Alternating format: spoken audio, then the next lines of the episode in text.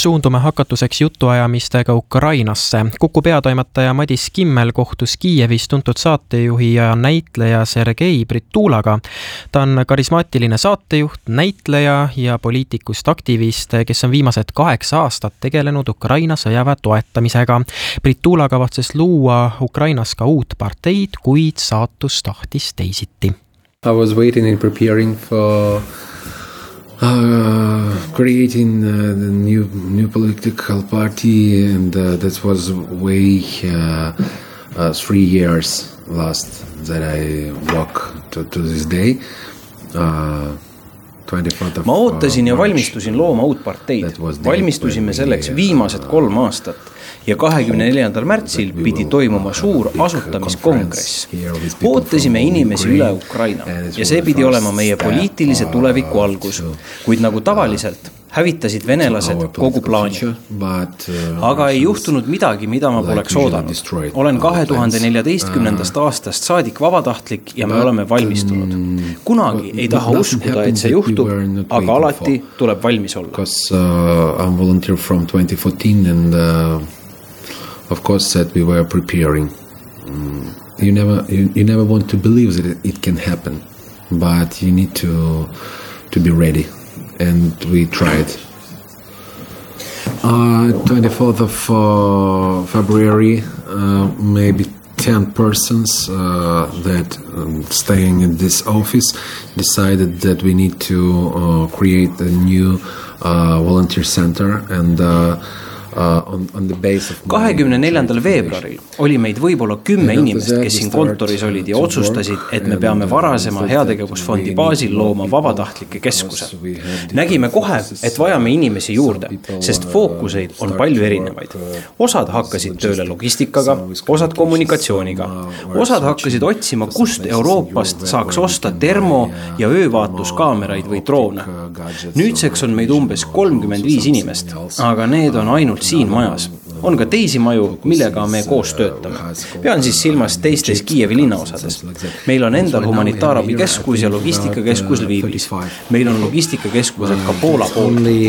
aga on ka eraisikuid mujal Euroopas, kes otsivad asju, mida vajame. seega võib-olla sada inimest kokku, aga ma ei ole kunagi niimoodi lugenud Uh, I mean that uh, we have our house with humanitarian help uh, in other district of Kiev. We also have a logistics center in the west part of Ukraine in Lviv.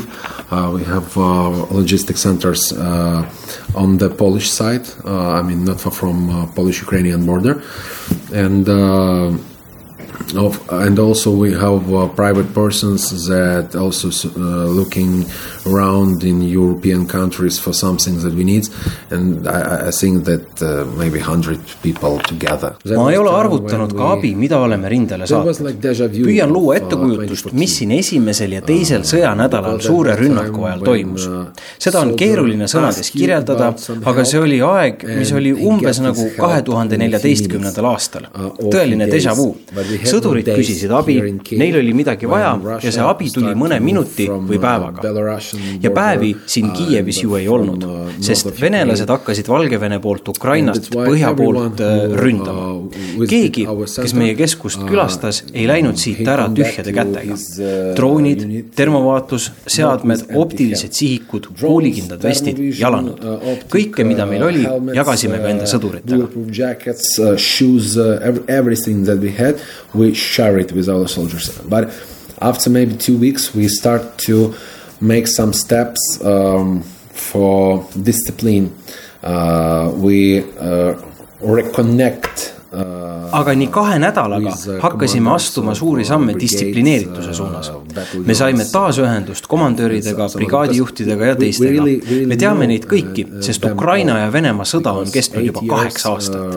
ja selle aja jooksul oleme tundma saanud ohvitsere, kes nüüd on komandörid ja juhivad brigaade ja nii edasi see aitab abivajadusi selgitada. Kui mõni ohvitser midagi palub, saame tema ülemuselt küsida, kas üht või teist asja on ikka päriselt vaja või mine sa tea, äkki on see teie enda laos olemas.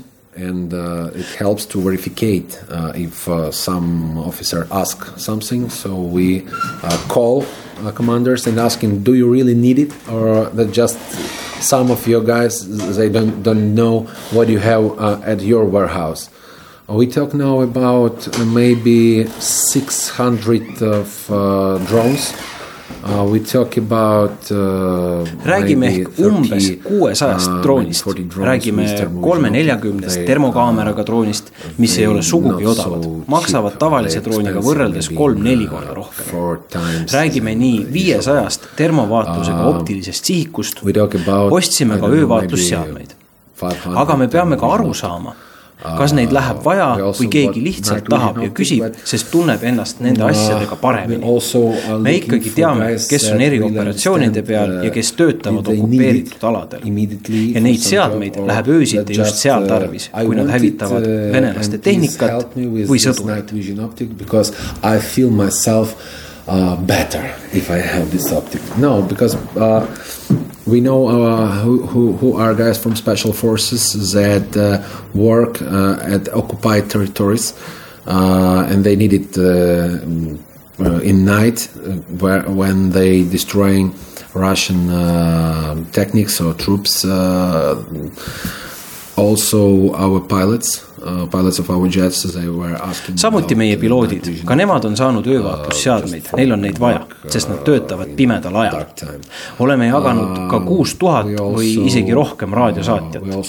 oleme jaganud ka ei teagi kui palju 6,000 kuuliveste ja kiivreid. ootame ka praegu tuhandeid veste mille eest on Uh, makstud aga need on alles siiapoole teel. uh, I don't know uh, uh, how many, but bulletproofs, wel- welts, and um, helmets also. And now we we are waiting for thousands of them because we paid before. We paid some invoices, and now we are waiting. We have a few persons here in our center that are waiting for air uh, strike every day, meil on siin keskuses mõned inimesed, kes ootavad igapäevaselt õhurünnakut, sest kui venelased otsivad ju tehniliste vidinatega, jagavad ja jälgivad iPhone'e ja teisi seadmeid ja siit käib läbi päevas sadu Ukraina sõdureid. kui sa ei tea, et siin on vabatahtlike keskus, aga sa oled Vene ohvitser, kes jälgib liikumist, võid arvata, et sõjaväeline keskus asub just siin. see on ainuüksi põhjus, miks seda rünnata. loodan siiski, et see ei juhtu, aga kõik on võimalik. meil ei ole oma asukohta võimalik vahetada. ja tõtt-öelda asukoha vahetus ei muudaks ka midagi, sest paari päevaga oleks meil samasugune järjekord sõdureid ja ohvitsere uue keskuse juures, nii et jääme siia.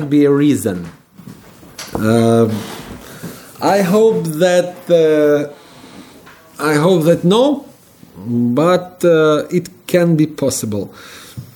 But uh, we have no possibility to change our place, and uh, truly, uh, nothing will happen if we will change uh, this place for, for other. Because after two days, we will have the same line of uh, Ukrainian uh, soldiers and officers uh, near our new center. So we, we stay here. I promised my son that we will visit uh, Lake uh, Donoslav in Crimea, uh, Crimea Peninsula, uh, because there was the uh, dolphin that my son was playing with him uh, when he was uh, five or six years old. And uh, we remember that time and uh, sometime we are lubasin oma pojale et külastame Donoslavi järve Krimmi poolsaarel seal on üks delfiin, kellega mu poeg mängis, kui oli viie või kuueaastane. ja mõnikord naljatleme omavahel, et delfiin nimega Jan on saanud vahepeal vanemaks ja targemaks ja nüüd oleks temaga huvitavam rääkida ning mängida. ma ei tea, millal see juhtub, aga tean üht, impeeriumid langevad vaid ühtemoodi. oleme seda maailma ajaloos korduvalt näinud. ja kui räägime Vene impeeriumist, siis see rajati nagu Frankenstein Nad panevad ühe vihmavarju alla erinevad riigid, erinevad rahvused, aga see ei ole normaalne ega loomulik. nii ei saa eri rahvad ühes riigis elada või noh, saavad ainult siis, kui on relvaga sõdur, kes ütleb, et peate koos elama. kui vaadata Venemaa kaarti, näeme, et seal on palju rahvaid, kes tahavad iseseisvad olla, aga Kreml ei luba seda, sest härra Putin arvab, et ta on tsaar aga tegelikult on ta lihtsalt vana hull Botoxi tagumik. uh, ja ma tean, et ühel päeval, nagu kõik ukrainlased, reivin tema haual. tean, et Ukraina lipp saab lehvima Donbassis ja Krimmis, aga peame ootama. tahan ka meie maid ja inimesi tagasi, aga loodan, et see juhtub diplomaatilisel teel, aga praegu ka relva. Something like uh, king or tsar uh, they, they call uh, in Russia, but he's just old mad Botox ass, and uh, I know that I will uh, one day all Ukrainians will rave on his grave.